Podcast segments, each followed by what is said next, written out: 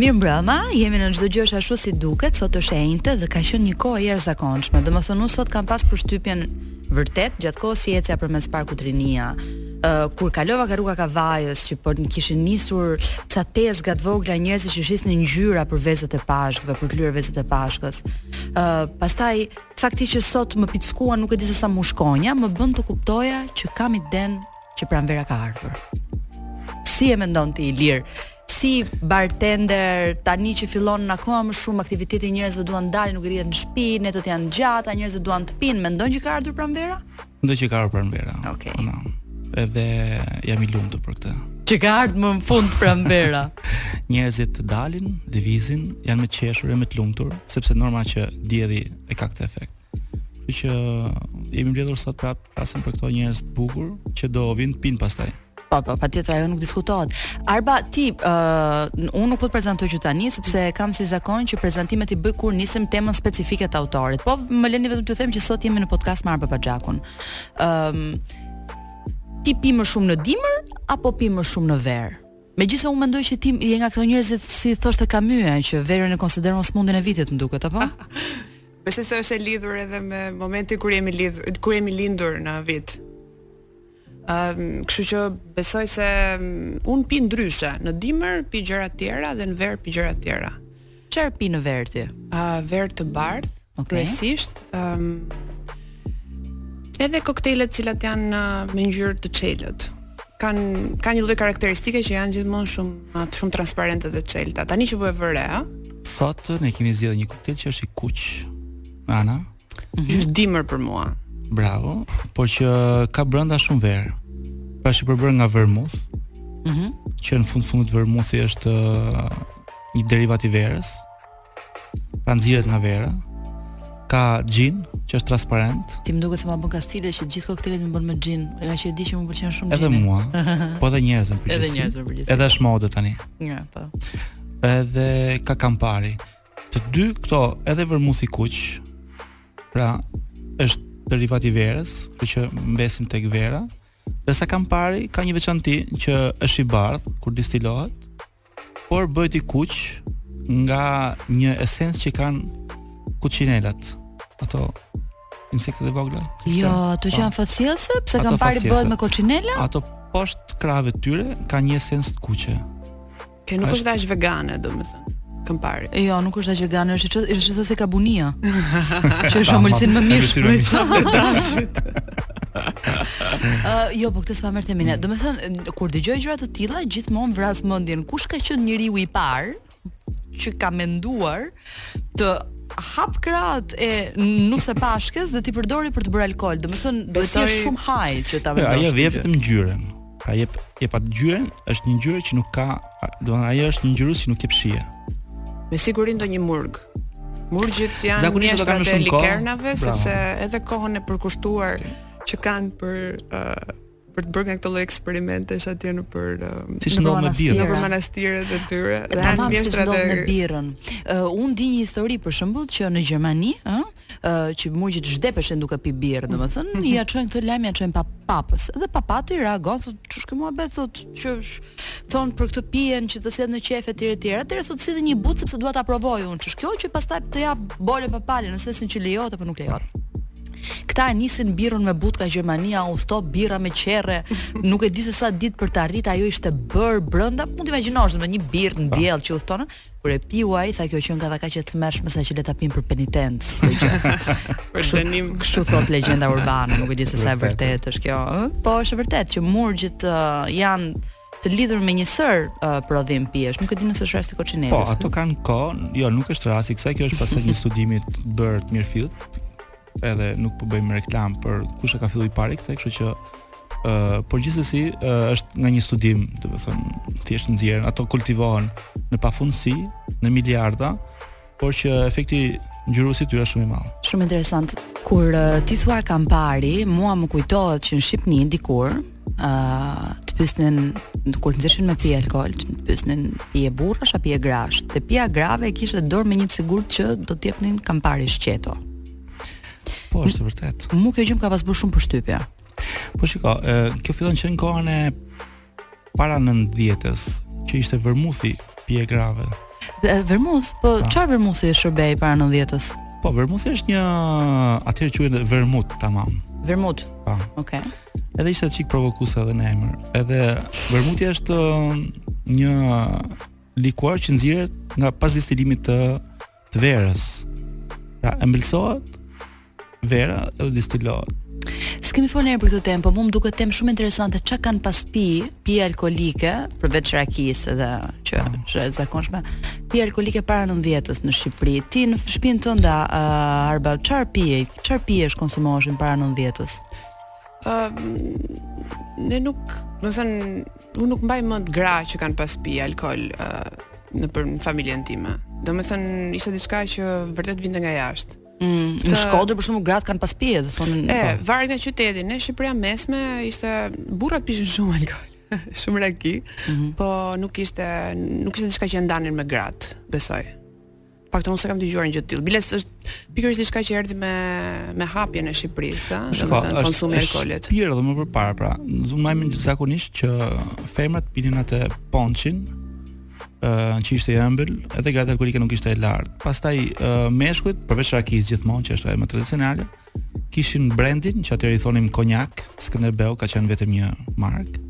Edhe ë uh, Fernetin që është prap një Amaro. Që ato kanë qenë bazat e pijeve në Shqipëri. E qartë. Si janë raportet kur flasim burra gra në kolonial për shembull. Le të themi ti e menaxhon atë vendin aty dhe ke mundësi të shohësh. Nisemi nga një situatë përpara viteve 90 që siç thotë Arba sigurisht që kishte një disproporcion në konsumimin e pijeve alkoolike dhe sepse gratë i përmbaheshin ca normave që ishin normat e familjes së re socialiste, kështu që padyshim socializmi nuk donte asnjë njeri shumë po të pirë. Po ishte edhe tradita, ishte edhe tradita e mëparshme që ishte e tillë, nuk besoj se më para 45-s po, është kultura konsumohej alkool në shtëpi. Është çik çështje kulture, po duke menduar për shembull dhe kjo është tematikë interesante, duke menduar që um, me ardhjen e regjimit politikat gjinore nxitën disa uh, barazira mes grave dhe burrave duke nxitur gratë të bënin gjëra që nuk i kishin bërë më përpara le të themi që kjo nuk ka nuk u aplikua në përgjithësi në konsumimin e alkoolit nuk konsiderohej shumë uh, i hijshëm për një femër në në kolonial si janë raportet janë kurioze raporti çuditërisht është ka një sasi më të më të madhe femra se sa meshkuj. Kështu që. Ashtu ë? Ka diku 70 me 30. Mbase është edhe Domethënë gratë pinë më shumë se burrat për momentin. Po në atë tip lokali po, sepse um, koktelet aty janë të shërbyera bukur me lule në gota të veçanta, kështu që mhm. syri i femrës është më i kujdesshëm për për detajin e bukur. Ndërsa meshkujt janë çik më janë më duan atë pijen më të fortë, që mund ta pinë kudo, që mund ta gjejnë kudo, kështu që ndërsa uh, femrat Janë më elegante në zgjedhje, kështu që preferojnë atë koktelin që është i bukur, që është i shijshëm, që nuk e ndjen forcinë e alkoolit, që është i fshehur, por që efektin e bën.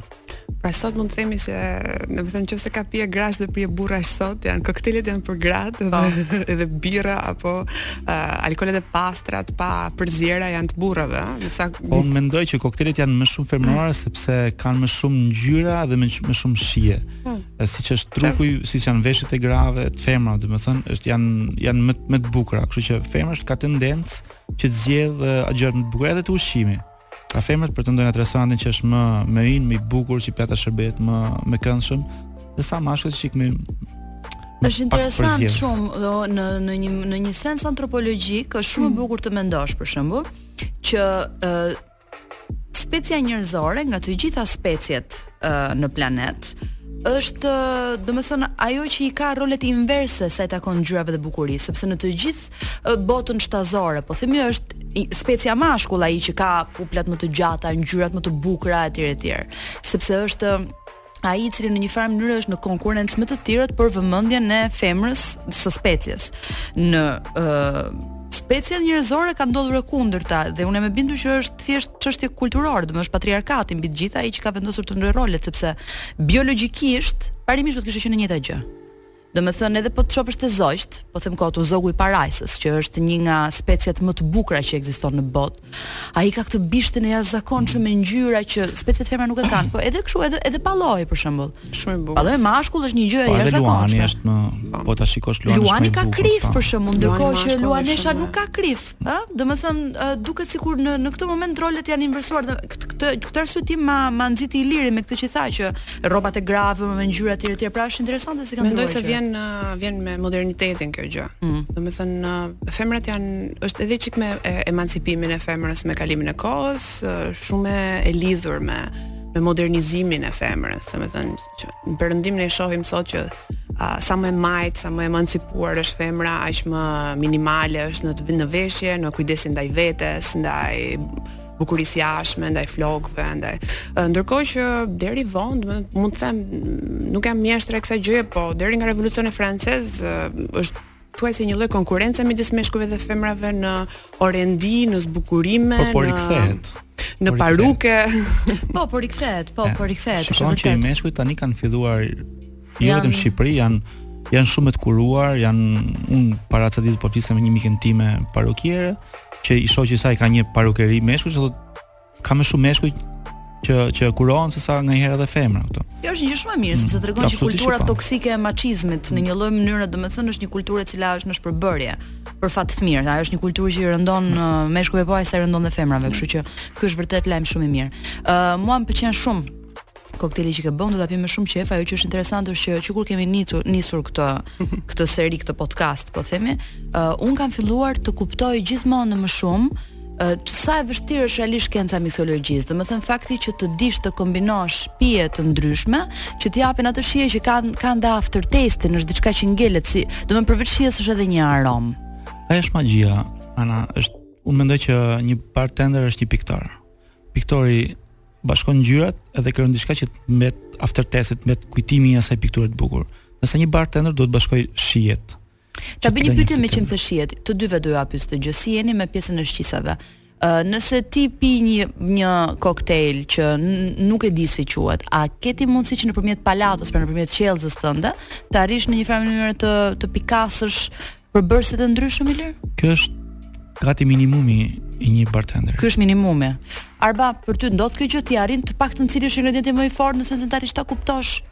Normalisht bazën alkoolike kam pak më të vështirë ta dalloj se sa elementet që e miksojnë, domethënë um, al, më pëlqen duke qenë se kam pirë më shumë mbase um, koktele me rum, arrij ta dalloj rumin apo rumin kur e kam qef ta pi shqeto të pastër, aromën e tij e dalloj. E kam më të vështirë për shembull dalloj um, alkoolet që kanë nuk kanë erë apo nuk e kanë shijen. Qëllimi i një kokteli është që të fshehin të fshehë sa më mirë shijet kjo është. Mm, sa bukur dhe që të ftojë tjetrin ta zbulojë.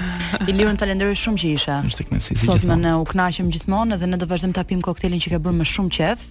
Uh, dhe unë ftoj të gjithë realisht të shkojnë te Kolonial dhe të provojnë shumëllojshmërinë e opsioneve që kanë përpara, gjëra që as nuk i njohin. Të lumshin duart. Faleminderit. Çdo gjë është ashtu si duket. Uh, siç e dini unë siç para ju thashë, kemi Arbën, Arba Baxhaku, e cila është uh, Arba është arkitekte. Përveç se arkitekte është mm, një lexuese fantastike, është një njeri me një mendje shumë abstraguese dhe është një ba, nga bashkëbiseduesit e mi më të mirë në jetë. Domethënë mendoj që një nga gjërat më të bukura që më kanë ndodhur është kam njoft Arbën.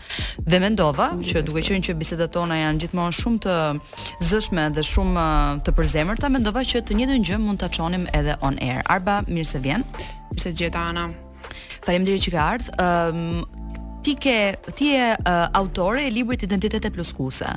Një lexim mbi shfigurimin e peizazhit arkitektonik të Tiranës pas rënies së socializmit.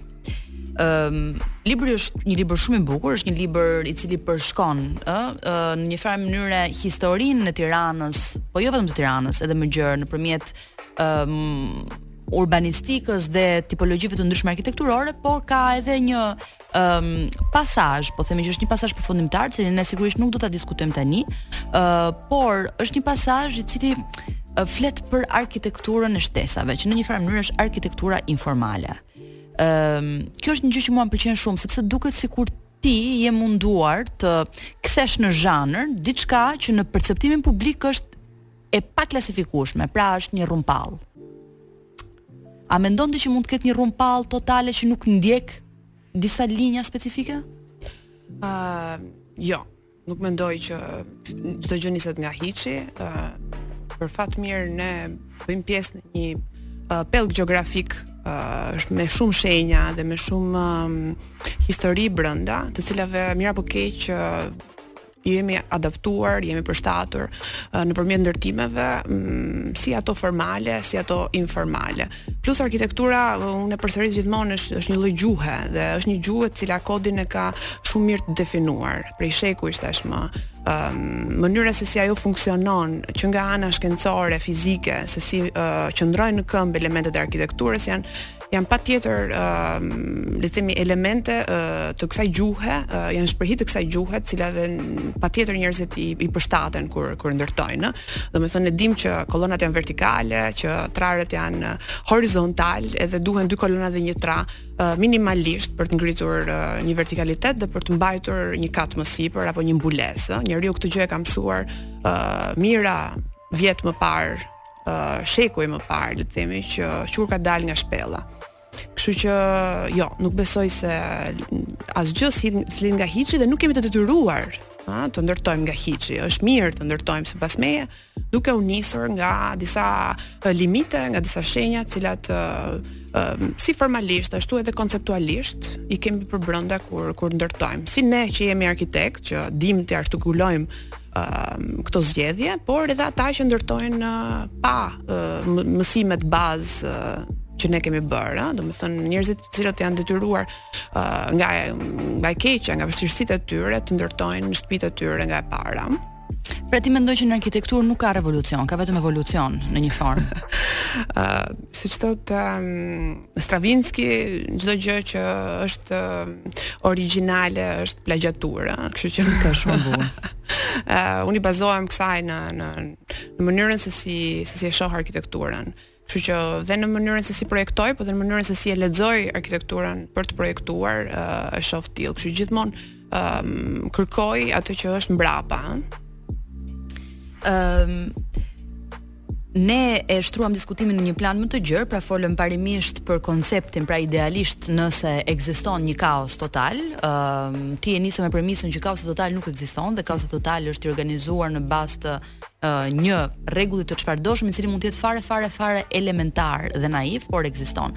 Uh, kjo nga ana tjetër më pëlqen shumë sepse më kujton dhe një shprehje të të Lizës në botë, Liza në botën e çudirave, uh, të Lewis Carroll. Në të cilën thotë ajo thotë u, u rrek të kujtonte uh, flakën e një qiriu të shuar, por u kujtua që këtë gjë nuk e kishte parë asnjëherë. Okej. Okay. Tani kjo duket klishe, por në fakt nuk është klishe, sepse çfarë ka dashur të thotë me këtë? Mendoj unë. Ai ka dashur të thotë që çdo gjë që ne mund të konceptojmë, eventualisht merr si njësi bazë ndërtimi atë që ne kemi parë. Pra për ne është e pamundur të konceptojmë diçka që nuk e kemi parë, asgjë nuk ndodh në vakum. Thënë kjo, uh, si për ta nisur bisedën e rregullit të brendshëm edhe në raste uh, parregullsie dhe informaliteti, unë dua ta nis situatën, uh, dua ta nis bisedën duke folur për periferinë. Në një nga episodet pararendëse, të çdo gjë është ashtu si duket, unë kisha të ftuar Sir Ain ose Killan, që është një këngëtar i cili vinte nga uh, Kamza dhe tregonte se si në një farë mënyre ky identitet urban, që pastaj u kthye në një identitet shoqëror, atë e kishte shinjuar edhe në formimin dhe në perkursin e vet artistik. Ëm um, për Kamzën është fol, për Kamzën është folur shumë veçanërisht në Tiranë, Por siç ndodh rëndom në media në debatin tonë publik për të flitet më shumë përmes thashethemnajave, legjendave urbane dhe duke etiketuar me emra specifik që shpesh janë dhe pejorativ. Ë uh, unë dua ta nis nga rasti i Kamzës për të folur për periferinë. Ë uh, Kamza është shumë interesante sepse Kamza um, ato kanë qenë toka bujqësore apo jo? Po, kanë qenë toka bujqësore, të cilat mbas 45-s ka pasur një lloj zhvillimi urban. uh, sidomos me vendosjen e Universitetit uh, Bujqësor në Kamëz, në 52-shën. 52-shën, uh, besoj se do të ketë pasur diçka më përpara, patjetër, si uh, një zonë periferike e Tiranës. Uh, Thonë që kanë pasur edhe goxha mjaft plantacione me ullinj. Ëm uh, pikërisht këto lloj ndarjesh toke, të cilat kanë qenë um, ngastrat mm -hmm. e, e tokës, të përkonin edhe me kufiret e kuf, kufit e pronave, uh, por edhe me um, qarkullimin e ujit, uh, vaditjes, uh, të cilat më vonë bëheshin uh, elemente lidhëse, si mund të jenë rruga e tjerë, domethënë janë elemente uh, njerëzore që janë uh, mbivendosur pejsazhit, sepse normalisht ai nuk është një pejsazh i egër, ka qenë një pejsazh i prekur nga njeriu ë uh, për shumë kohë. Uh, këto janë elementet limitet që vërtet gjenerojnë pastaj Kamzën qytet që ne shohim, që është në të vërtet midis qytetit edhe edhe fshatit sepse ë uh, nga ana e organizimit urban, mund të themi që është një qytet sepse është shumë i urbanizuar, është shumë i ndërtuar. Ka shumë densitet ose ndryshe ë uh Është i rysët, goxha si. Po, është ndërtuar goxha, domethënë toka e bukës është ka ka humbur në vëllim me në raport me me ndërtimin.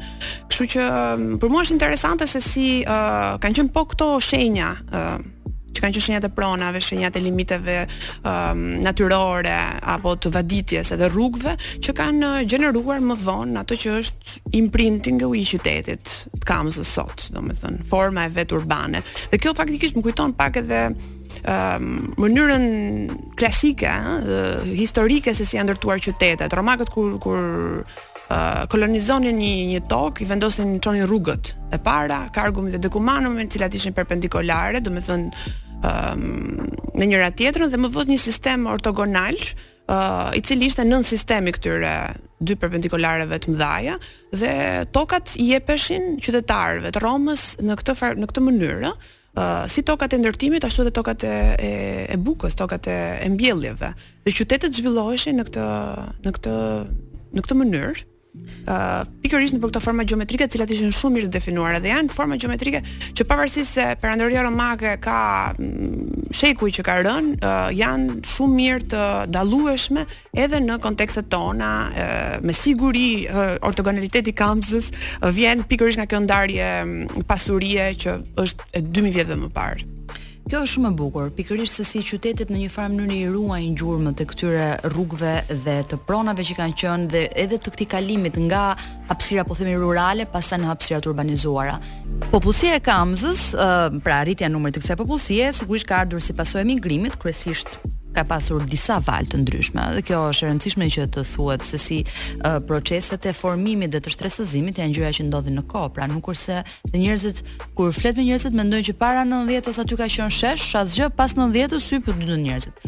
Uh, kemi një valë të parë që është uh, nga 46-a në 75-ën. Uh, pastaj nga 75-a në 91-shin. Uh, dhe pastaj fazën tjetër që dihet. Në periudhën e parë kemi një popullsi të ardhur kryesisht nga Skrapari dhe nga Burreli. Në këtë kohë Kamëz numri i popullsisë nuk i kalonte 6000 banorë. Periudha e dytë përkon me hapjen e minierës së Valias, dhe kjo është shumë interesante. Kështu që krijua mundësia e ardhjes së një fluksi të ri qytetarësh nga të gjithë rrethet e vendit dhe binomi Skrapar Burrel filloi të zbehej. Pra në një farë mënyre fillon edhe mm -mm. bëhet qendër ë um, një lloj kul desak i i um, popullatave të ndryshme. Në këto kushte u zhvillua edhe pjesa tjetër e infrastrukturës, kjo periudhë zgjati rreth 15 vjet. Pastaj në 91-shin kemi ardhjen e një vale tjetër, e cila vinte kryesisht nga zona të ndryshme të veriut. Kemi për shembull kemi um, komunitetin e njerëzve që vinin nga Puka apo nga zona të tjera në të cilat siç e dimë infrastruktura mungonte. Kjo është mhm. temë shumë e rëndësishme. Uh, kur po flisnim bashkë po ndërtonim uh, këtë bisedën e sotme the një fjalë shumë të bukur, the që e drejta e banesës është një e drejtë e njeriu, pra është drejtë, është e drejtë universale. Ëh, uh, po, kjo dëshmon domethënë uh, këtë gjë. e dëshmon sepse në Shqipëri para 90-s e vërtetë që ka pasur politika të të, të shumta për uh, ndërtimin e banesës, uh, të cilat kanë përfshirë gjithë vendin, por uh, mm, ka qenë pothuajse ka qenë shumë e vështirë për të pasur një banesë për të gjithë, uh, edhe pse kjo jepej nga nga shteti, kështu që dhe varfëria e shtonte këtë këtë vështirësi, edhe me sa duket në atë çlirim të mbas 90-s me gjithashtu me lëvizjen, uh, me lirinë e lëvizjes nga një qytet në tjetrin dhe ardhjen për pranë qendrave të banuara, ë uh, njerëzit sikur le të themi e morën këtë lloj lirie të banesës edhe edhe nëpërmjet ndërtimeve informale apo nëpërmjet shtesave etj, ata um, përvetësuan këtë lloj këtë lloj lirie të cilën kishin qenë privuar për shumë kohë. Kështu që po, unë mendoj që që që vërtet lir e drejta banesës është si e drejta për të për të ngrënë, për të pirë për çdo njeri, domethënë. Është si freedom of movement, është dhe si e drejta për të lëvizur dhe për t'u vendosur aty ku ti mendon që mund ta zhvillosh më mirë jetën tënde, gjë që përpara 90-s në një farë mënyre diktoheshe, ku do jetoje. Ëm dhe shpesh vendet nga vijnë këta njerëz kanë qenë vende që kanë patur infrastruktura më të dobëta, po themi se sa infrastruktura e Tiranës, plus sharmi i të qenit afër e për qytetet e mëdha.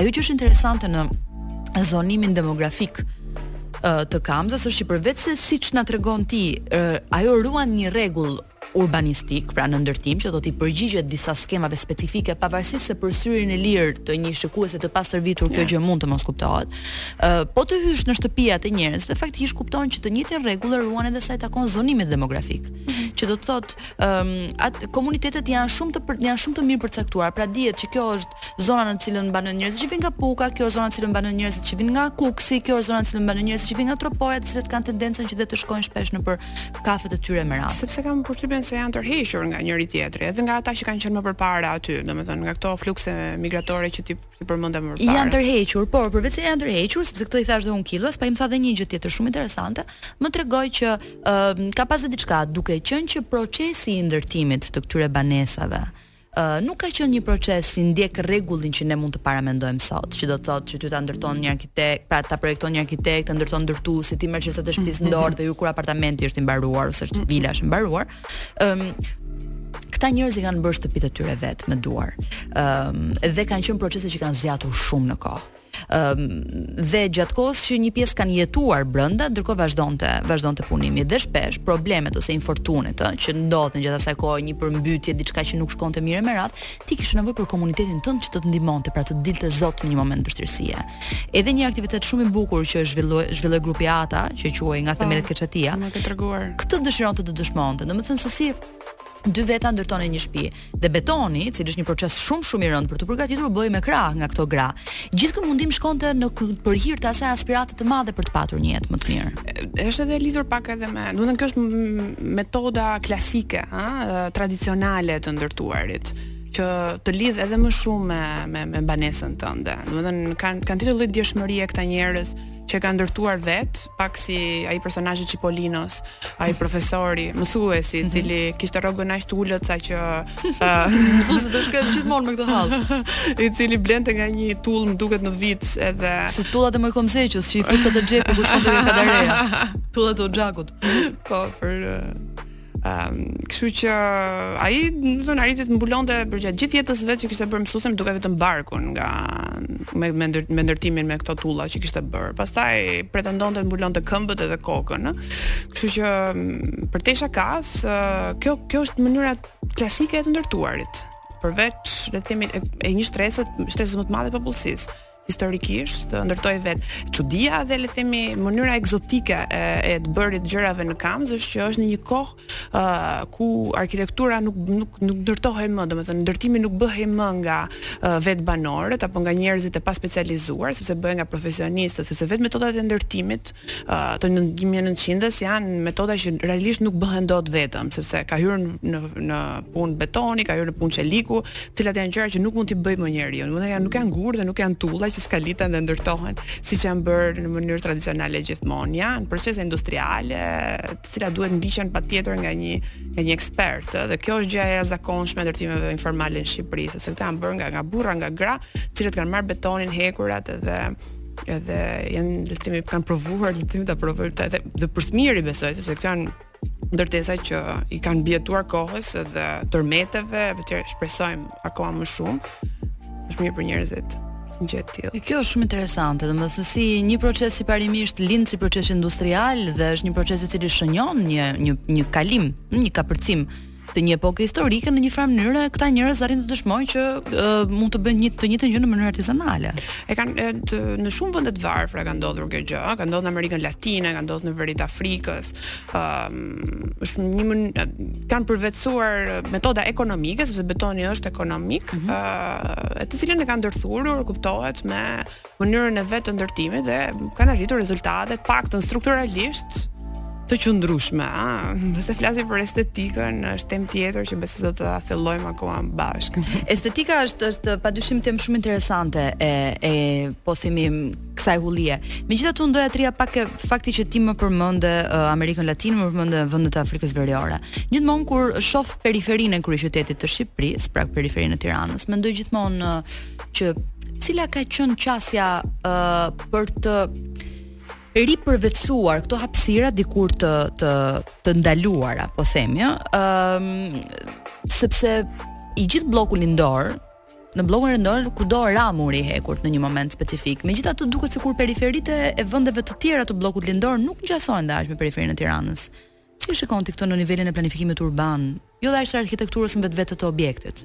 Ëh, shiko, kjo është pak e vështirë sepse në vendet e tjera të bllokut lindor po shtetëzimi i pronës nuk ka qenë kaq ekstrem saç ka mhm. qenë në Shqipëri dhe në të vërtetë i gjithë ky kaos urban që ne kemi rreth qyteteve kryesore dhe sidomos kryesisht rreth Shqipërisë shkakun kryesor e ka zallamahin a dhe mbivendosjen e kësaj çështje këtyre çështjeve ligjore të pronave të cilat nuk janë zgjidhur ndonjëherë domethënë kanë vështirësi të zgjidhen edhe sot kështu që në në në lindje nuk ndodhi kjo gjë sepse nuk qe kaq ekstreme përvetësimi i pronës nga nga shteti dhe rrjedhimisht pati një lëvizje komplet ndryshe pastaj për për për sa i përket qytetarëve të cilat kryeqytetet botërore patën një emigracion dhe jashtë, ëh, kështu që u zbrazën këto këto kryeqytete dhe nuk qe besoj kjo nevojë kaq e madhe për për ndërtime pa leje rreth e përqark qytetit dhe çështjen e banesës e kishin disi pak më të zgjidhur se ato,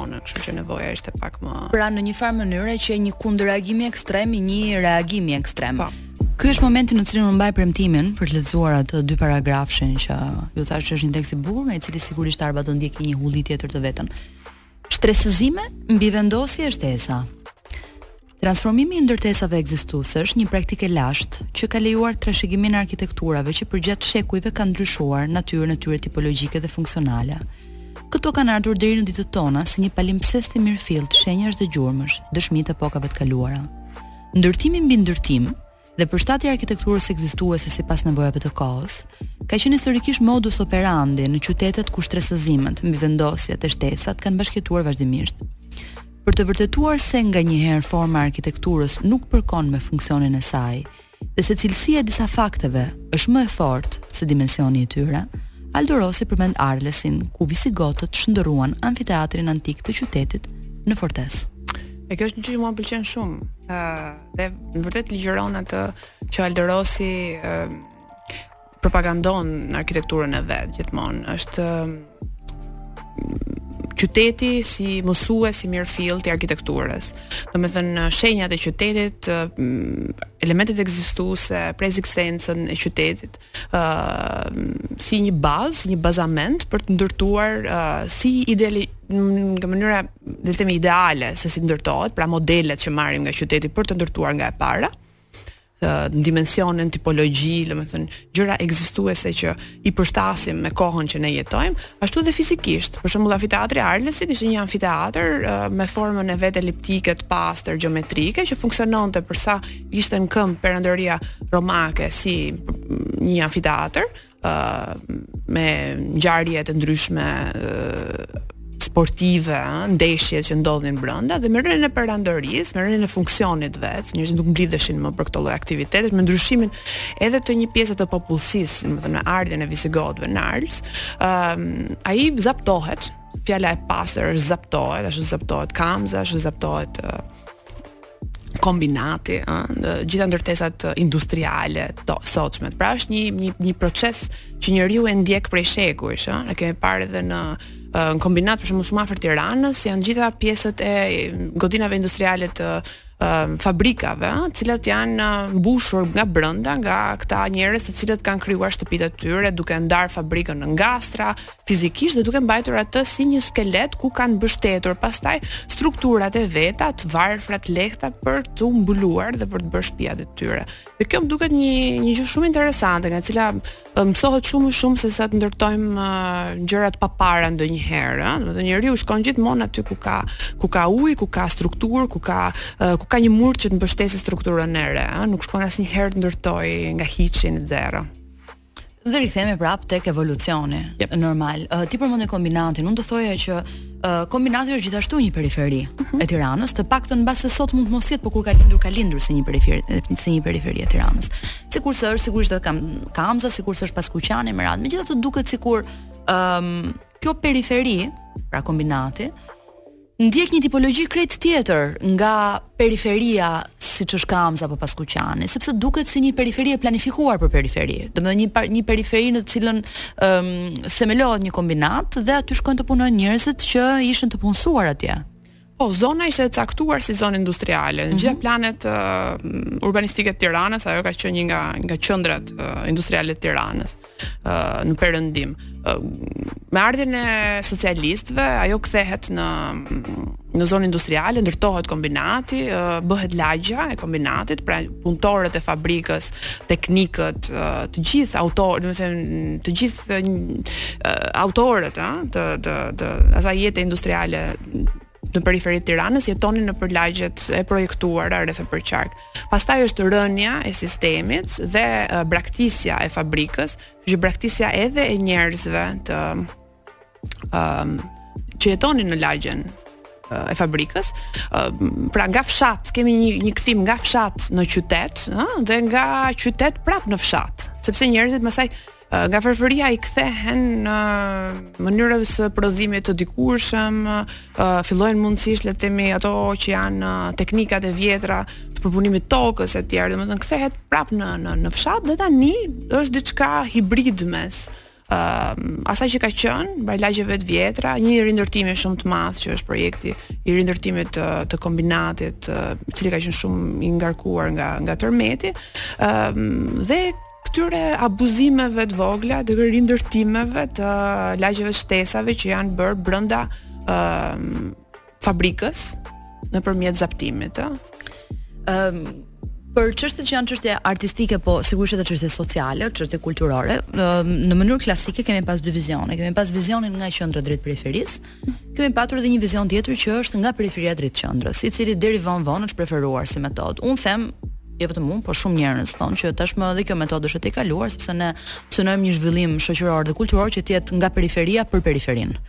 Ë uh, pra të mos jenë më gjërat te më një qendër qyteti që në një farë mënyre është policentrike, por për ta bërë këtë gjë dhe për të ndryshuar sigurisht edhe pabarazitë sociale të cilat në periferi kanë tendencën të shtresëzohen, sepse ne folëm pak për rastin e Kamzës, të njëjtën gjë mund të themi për rastin e Paskuqanit, që në mënyrën se si u ndërtuan, patën një problem sa i takon infrastrukturës, qoftë qasjes në ujësjellës deri ke gjëra të reja, pra infrastrukturës edhe sa i takon edukimit, dhe kur flas për edukimin nuk flas vetëm për shkollat, po, po. edukimi janë shumë gjëra, janë qendra kulture, janë plot gjëra.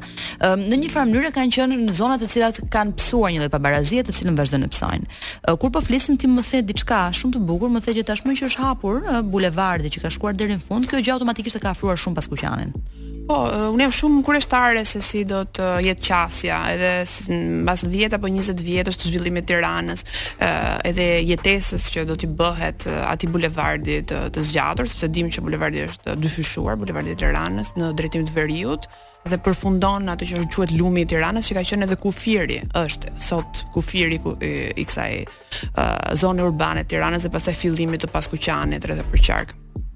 Kështu që do jetë interesante se si uh, tani kemi një lidhje direkte me me, me qytetin nëpërmjet nëpërmjet bulevardit. Zona industriale të cilat neve na dukeshin shumë të largëta sepse lidhja ishte pa, pothuajse e pamundur nëpërmjet rrugës direkte. Sot i kemi shumë mirë të aksesueshme nëpërmjet këtij aksit të madh.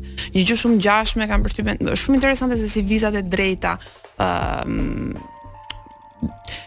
kushtëzojnë pastaj arkitekturën dhe e, e, e bëjnë të duket pothuajse shumë ndryshe. Të gjitha raportet arkitektonike që ne shohim përpara një vije të drejtë dhe një vije të lakuar janë krejtësisht të ndryshme. uh, mendoj, i shoh tashi gjërat pak në mënyrë edhe pak romantike, sepse mendoj që edhe ata tiranasit e vjetër kur është hapur ky bulevardi që flas për bulevardin nga sh, Sheshi Skënderbej e lart deri nga ish-stacioni i trenit, ai ka prerë qytetin otoman, ëh, dhe imagjino mund të Si proceset e hausmanizimit. Po, ishte një proces gjithmonë asgjë nuk është e re. Vjetër, për shembull. asgjë nuk është e re në Tiranë, janë shumë bukur dhe dhe faktikisht edhe hapjet e rrugëve të reja në në Vjenë apo në rënien e mureve mesjetare, ëh, domethënë janë janë procese që që kanë ndodhur në në 800-ën, 700-ën, 800-ën në Baudelaire të në në përmbledhjen e vet poetike, ëh, um, ka një varg në të cilin thotë pikërisht Me ç'duket thotë pamja e qytetit ndroka ca më shpejt se zemra njerëzore. Ka jetuar në një Tiranë të ngjashme, do të thotë, një një qytet të ngjashëm me Tiranën e sotshme, mm. neve jemi pothuajse bashkohës të Bodlerit në qoftë se mund ta quajmë veten kështu. Po, në, në përsa i përket. Letërsia këtë ka që kalon kohën edhe vendin, ëh, për të arritur një një mënyrë të ndjeri universale që ajo mund mund të jetë edhe pas shumë vitesh, por për t'u kthyer tek tek diskursi, pikërisht tek diskursi i i uh, afrimit me periferinë. Me periferinë dhe ajo që unë shpresoj realisht është pikërisht kjo. Nuk nuk shpresoj që atë që njerëzit që banojnë në ato zona të kenë më shumë akses në qendër për të për të për t'iu qasur aktiviteteve kulturore që zhvillohen këtu, sepse nuk është ajo ajo ai zhvillimi kulturor që ne synojmë, por un un realisht shpresoj që me këtë lloj qasje uh, të mund të nxitet një lloj, po themi, um, lëvizje sociale që në një farë mënyre në këto zona mua më duket dhe sikur është akoma e vështirë. Tani siç e kemi thënë shumë herë, po na rezulton që jo çdo gjë është ashtu si duket, se ne mendonim që ishte që rrumpalla mund të ekzistojë, tani po kuptojmë që në fakt nuk është aq e thjeshtë të devijojmë pa pas parasysh linjën. Uh, Arba po flisnim për periferinë, për periferitë e shumta të qytetit dhe se si në një farë mënyrë ato janë të ndryshme nga njëra tjetra, ë? Po po, janë të ndryshme nga njëra tjetra, ë uh, mbase duhet edhe kontekstualizuar pak um, ideja e qytetit. Uh mhm. -huh. Mbase qyteti uh, nuk funksionon si si një tërësi e vetme, ë i pandarë, por uh, i i copëzuar në disa pole, që janë edhe lagjet. Kështu që njerëzit edhe në Tiranë, ashtu si gjithë qytetet e tjera, jetojnë realitetin e qyteteve të tyre nga një nën strukturë e cila është lagja e tyre, rruga e tyre, ë uh, blloqi blloku i tyre të banesave që Astiri, Fresku, nuk janë periferi të Tiranës, por jetojnë ë në nuk janë aq larg, ta po flas sa sa Kamza. apo aq të shkëputura sa sa Kombinati, po jetojnë njerëzit e jetojnë realitetin, domethënë jetën e tyre ë uh, brenda këtyre brenda këtij perimetri, që është perimetri i lagjes. Nga ana tjetër, të flasësh nga qendra, se ne tani jemi këtu në qendër të Tiranës, të flasësh për um, për periferinë, um, duket duket pak si lëvizje nga qendra drejt periferisë, unë e kundërshtova që në fillim. Eksakt, kështu okay. që do do doja ta baraspeshoja këtë me uh, kuptimin që i jap unë gjithmonë periferisë, që ne jemi ne si shqiptarë mhm. jemi pak kamzalitë e Evropës, jemi pak um, ata të periferisë së Evropës. Kështu që mes si thoshte Çabej mes lindjes dhe perëndimit. jemi mes lindjes dhe perëndimit, por nuk jemi as lindje as perëndim në po. këtë sens. Kështu që si lakuriqi i natës, duke pasur që s'ishte zog as mi.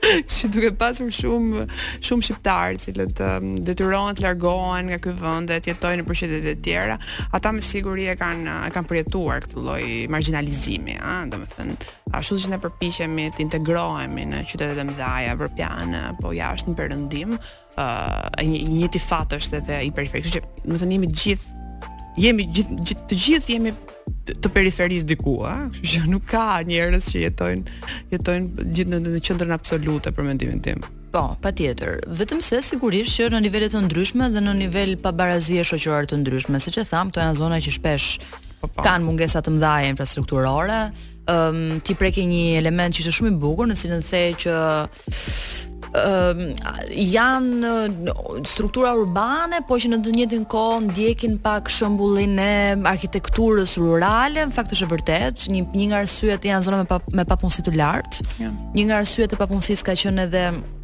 ë ehm, zhvillimi ekonomik, fakti që një pjesë e njerëzve që kanë ardhur nga zona rurale në fakt dinin të bënin punë bujqësore dhe blegtorale, duke qenë që tokat e bukës u zunë dhe shtëpiat u ndërtuan duke i marrë këto ngastra ku mund të punonin në një farë mënyrë ata shpesh e kanë gjetur veten të punësuar në mënyrë sezonale ose nga njëra punë në punën tjetër dhe kjo sigurisht që ka krijuar dhe gjithë këto pabarazi që pastaj janë dhe pabarazi ekonomike.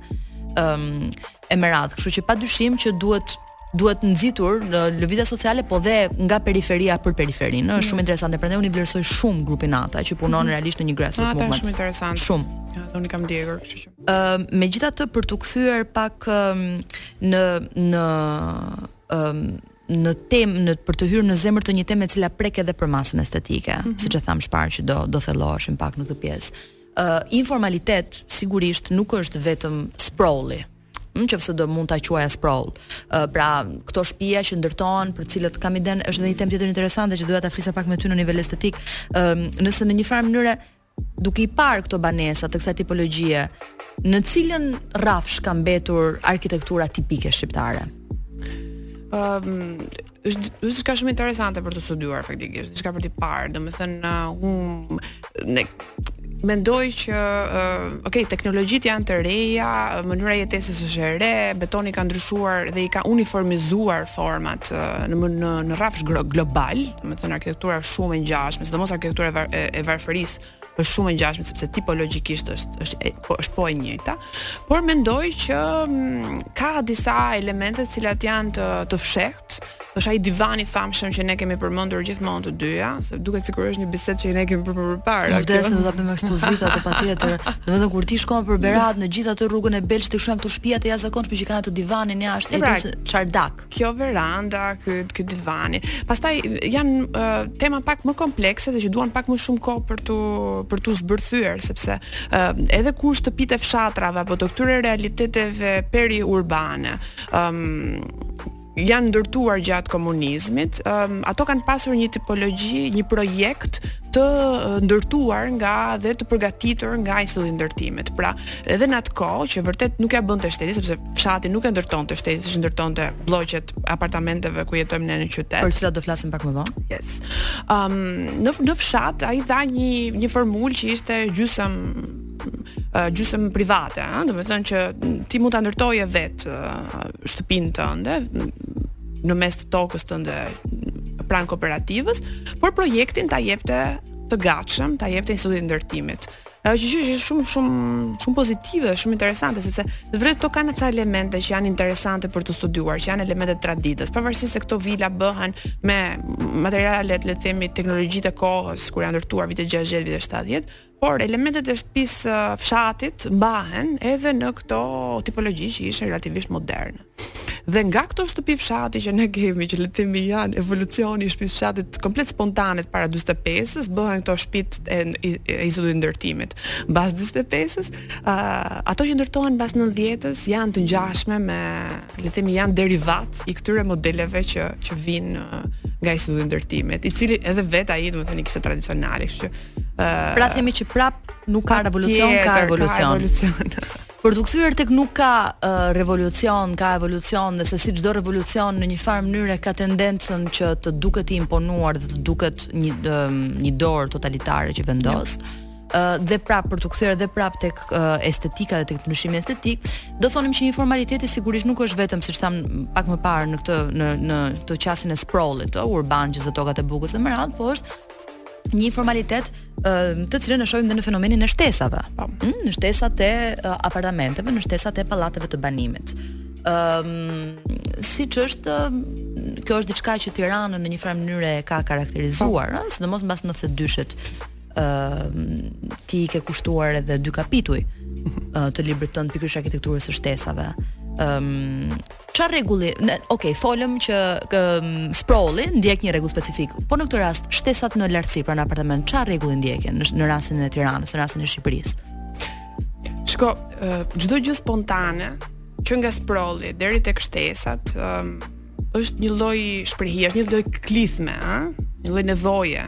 e e shprehur nëpërmjet formës. Normalisht edhe anarkia dhe inform, dhe dhe mungesa e, e aparatit shtetëror dhe ligjor në Shqipëri kanë lejuar këto lloj transformimesh, por uh, matrica njerëzore është shumë e fortë. Unë mendoj që kjo duhet lexuar, ëh. Domethënë, ëm um, Për sa i përket rregullave dhe këto janë rregullat e natyrës, ëh, gjithmonë janë rregullat e natyrës. Domethënë materialet sa rezistojnë, ku mund të qëndrojnë, ku mund të kapen, ka uh, tipologji shtesash nga më të ndryshmet që ë uh, qytetarët e Tiranës kanë provuar të bëjnë, kanë shtesa të betonit kat të parë me zaptimin e tokave uh, e zonave të përbashkëta të parqeve apo të lulishteve rreth e përqark pallatit, ë uh, cilat janë bërë më vonë dyqane, Ka elemente të lehta që janë lart pastaj prej drurja apo prej çeliku që mbushen me me materiale më të lehtë, më më më më të varfra, ë, tulla, beton etj etj.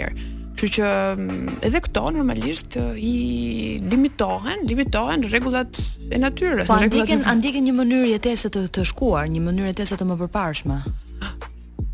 Kjo është teza ime. Po flisnim për shtesat, për arkitekturën e shtesave, uh, për mënyrën se si edhe po flisnim për tezën tënde. Kjo më pëlqen shumë teza jote. O, unë gjithmonë mendoj, e di si klasifikoj unë njerëzit që i njoh dhe që i du fort, i klasifikoj me njerëzit që kanë te, disa tema të tyre, ë?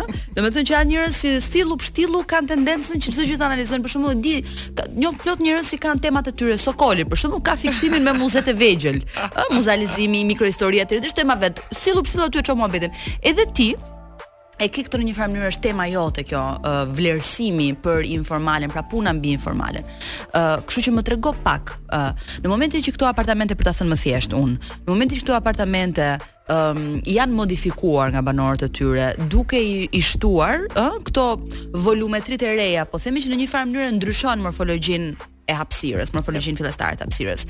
ë këtë konceptim të kësaj hapësire, këtë gjurmë të re, këtë rregull, nga e kanë marrë, si e kanë krijuar? Çfarë ndikon në mënyrën se si këta i kanë konceptuar, rikonceptuar këto këto banesa tani që nuk kishin më, ë, prohibicionin e shtetit për t'i prekur ato? Kjo flet qartazi për një nevojë, domethënë shpreh, shtesa shpreh qartazi nevojën e njerëzve për hapësira më të gjera, ë të cilat zgjidhen nëpërmjet shtesës së një vëllimi apo të një dhome të veçantë. Edhe ky është një operacion që ka ndodhur historikisht në botë. Pra jemi prapë kthehemi prapë ke tema kryesore e, e kësaj bisede që e, me cilën e hapëm këtë bisedë, që asgjë nuk fillon nga hiçi, asgjë nuk është nga zeroja, dhe është shumë e vështirë të shpikim gjëra të reja. Mm -hmm. Kështu që kështu ka ndodhur historikisht, ë uh, ka pas një qelizë bazë që është kjo Megaroni i i shtëpisë um, mesdhetare, mm -hmm. e cila ka gjeneruar më vonë gjithë tipologjinë e arkitekturës mesdhetare, um, dhe ka qenë shumë e pranishme të paktën deri uh, shekullin pothuajse të fundit, 100 vjeçarin e fundit nëpërmjet shtëpisë osmane.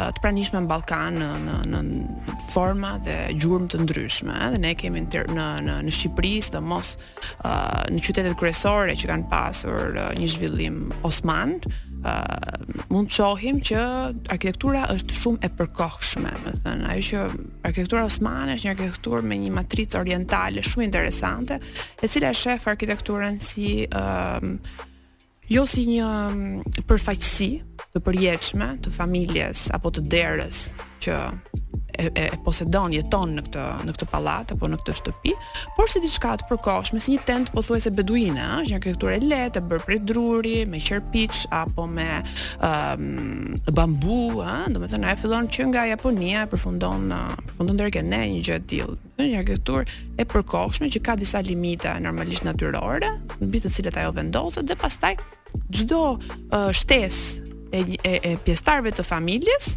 ë, uh, shton një odë, një dhomë Perandorinë Osmane. Kjo është kjo është karakteristika e e kësaj arkitekture dhe unë mendoj, kjo është mm -hmm. prandaj shkoj unë them teza ime sepse nuk dua të të të të flas në mënyrë absolute për një gjë që është shumë e diskutueshme. Shkenca Arba bëhet me hipoteza, kundërteza dhe teza. Unë nuk mendoj që dikush del me të vërtetën absolute. E po, po, kjo po nëse është është një afirmim teorik goxha i, i fortë, ëh. Domethënë thuash po. Thuash që këto shtesa ëh shprehin në mënyrë formale atë që njerëzve ju është ju është hequr, ëh, lirinë e fasadës, sepse çfarë Nuk dua ta të futem shumë në arkitekturë, po ajo arkitekturë e importuar që neve na u soll nga nga perëndimi me mm, fashistët, me socialistët më vonë, më vonë edhe me uh, kapitalistët e 90-ës, është një arkitekturë e pastër e fasadës, ë, e lëkurës së arkitekturës dhe pa parë se çfarë ka mbra, mbrapa. Pra një rregull i mirëfilltë që fasada uh, fsheh atë që ka mbrapa, një maskë, ë, që të të ndërtesës. gjë që është krejtësisht në kundërshtim me atë që ne ishim mësuar të kishim që ishte arkitektura osmane, arkitektura osmane e kodrës, ku, ku le të themi bazamenti i gurtë është komplet i, i, palidhur me atë që është lart. Ato odat shtohen, zgjerohen, ndryshohen, shemben, ë? Ëm dhe fasada e qytetit ndryshon çdo gjë në çdo në çdo gjeneratë. Po ashtu edhe në qytetet tona pak më të varfra të Shqipërisë mesme, siç është Tirana për shembull. Që fasada është e fshehur. Por fasadë nuk kemi fare, po, është një po. arkitekturë shumë e heshtur, e gjithë këtyre avllive të heshtura me dyert, ëh, që janë vetëm dyert që flasin, po dhe në Shkodër, do të themi dhe Shkodër, Shkodër është më e madhe dera e avllisë se sa vet vet arkitektura brenda, mm -hmm. sepse ajo kthehet në në një farë kuptimi në fasadë. Edhe kjo është një temë tjetër. Kështu që po, unë mendoj që këto shtesa që janë janë kanë janë bërë tashmë karakteri i Tiranës dhe unë mendoj që këto janë le të themi ajo që duhet lexuar për të bërë një arkitekturë të re në në Tiranë, domethënë pavarësisht se ëm um, Tirana është gjithmonë në këtë zhvillim të vazhdueshëm. Tema kryesore që që duhet lexuar dhe duhet ripërsëritur dhe duhet përshtatur është pikërisht kjo e mbivendosjes, që është një temë universale. Ëm um, në fakt, ëm um, ky është një është një temë shumë e bukur, unë mund ta çoj duke lexuar librin tënd, mund të them që mund ta çoj aq larg sa të mendoj që dhe mënyra se si pastaj jetohen këto hap, këto hapësira, të cilat janë hapësira të rikrijuara nëpërmjet shtesave, Është një mënyrë që njerëzit e kanë në indolen e tyre. Kur them në indolen e tyre, kam fjalën jo se është diçka që lidhet me sigurisht me ADN-n, por diçka që lidhet me mënyrën se si njerëzit e jetojnë jetën. Ë dhe një kulturë specifike ë është e pamundur që të fshihet ë nga qytetarët dhe banorët e një vendi për 50 vjet, për 50 vite 100 vjet. Ëm sigurisht që ajo në një moment të caktuar, në një moment lirie, do nxjerrë kryet dhe një nga uh, tiparet më të rëndësishme tona kulturore është mënyra se si ne jetojmë hapësirën, si organizohemi mm. në hapësirë, që sigurisht varet edhe nga kushtet klimatike etj etj. Ëm um, siç e kemi folur dhe shumë herë, siç e përmend në libër, do ta lexojmë edhe pak më mbrapa, po për ta kontekstualizuar pak, një nga shembujt më fantastik hm, të këtyre shtesave për mënyrën për syun e qytetarit të thjeshtë është pjesa e pallateve, po themi mbrapa pallateve Agimi, ë apo lagja një e, gjithashtu edhe ajo e lagjes një maj. Po, sheshi Çajupi, mm -hmm. fillimi i rrugës ato kam kam paraqitur në libër, ato mm -hmm. kam mhm. studiuar më shumë sepse ajo është lagjja një maj, blloku një po, maj. Po, uh, sepse ato ndërtesat që janë më shumë të të, të transformuara janë pikërisht ato ndërtesat e qendrës, ë uh, të cilat kanë pas një formë shumë shumë rigjide, ëh, shumë të preimpostuar, që janë këto paralelepipedët e e e e stërzgjatur prej tullash të kuqe, tek të cilat janë mbivendosur, sepse kanë pas edhe hapësira shumë të vogla, ëh, ndodh shumë ndryshe ke ke pallatet që mund të quhen ato me tulla silikate apo ke parafabrikatet hapësirat janë më të vonshme si si projekte dhe hapësirat janë më të zgjeruara, kështu që dhe nevoja për për zgjerim ka qenë pak më më më e vogël. Kurse ke ndërtesat e shallvareve, agimet, ëm um, shallvaret janë të jashtëzakonshme në mënyrën se si nga brenda asaj kortes që është sheshit që të kur ti brendshëm, po. kur ti brendshëm, uh, shef realitete shumë interesante dhe ja pikërisht në qendër të Tiranës. Dhe ajo është si një, do të thonë, duket si një strukturë antike, ëh, si këto Si amfiteatri i Arlesit për cilin përmendëm më përpara. Pra cilit i janë shtuar dy tre kate, po. Dhe duket sikur ajo arkitekturë për mendimin tim ajo i mban këto lloj gjërash, nuk i mban strukturalisht, i mban formalisht, edhe i mban antropologjikisht. Nga fasadat e bllokut një maj, del në pah një ligj i përgjithshëm që mbizotëron shumëllojshmërinë. Siç na mëson Hilberseimer, qeliza elementare, dhoma, përcakton pamjen e jashtme, ndërsa rregullin e thekson përsëritja e elementëve në seri. çka zhduk nuancën, sundon masa. Përgjatë rrugëve të lagjes, të rrethuara nga fasada që shenjohen prej rregullsisë së hapjeve uniforme, theksohet forma arkitektonike e reduktuar në nevojat e saj më të domosdoshme. Transformimet që ndodhën pas rënies së regjimit mund t'i përshkruajmë formalisht, duke thënë se i mbivendosen morfemës së projektit fillestar, dhe i coptojnë njëtrajtshmërinë. Rregulli racionalist, pra që ish krijuar për t'i dalë kundër çrregullimit të qytetit historik merr fund. Në këtë mënyrë, nga rilevimi i gjendjes aktuale të lagjes, manifestohet shpërbërja e pasurive të shtetit në pronë private. Mutacionet, shpesh, ndryshime të dhunshme ndodhin në qytete. Shqyrtimi morfologjik na shpie te bindja se kjo forcë është në thelb ekonomike. Njërin prej shpjegimeve për arsyetimin ekonomik në qytetin kapitalist mund ta japin spekulimet. Gjeometritë gjatësore të blloqeve të strehimit ndryshojnë në plan me shtimin e vëllimeve të reja që u shtohen arkitekturës ekzistuese.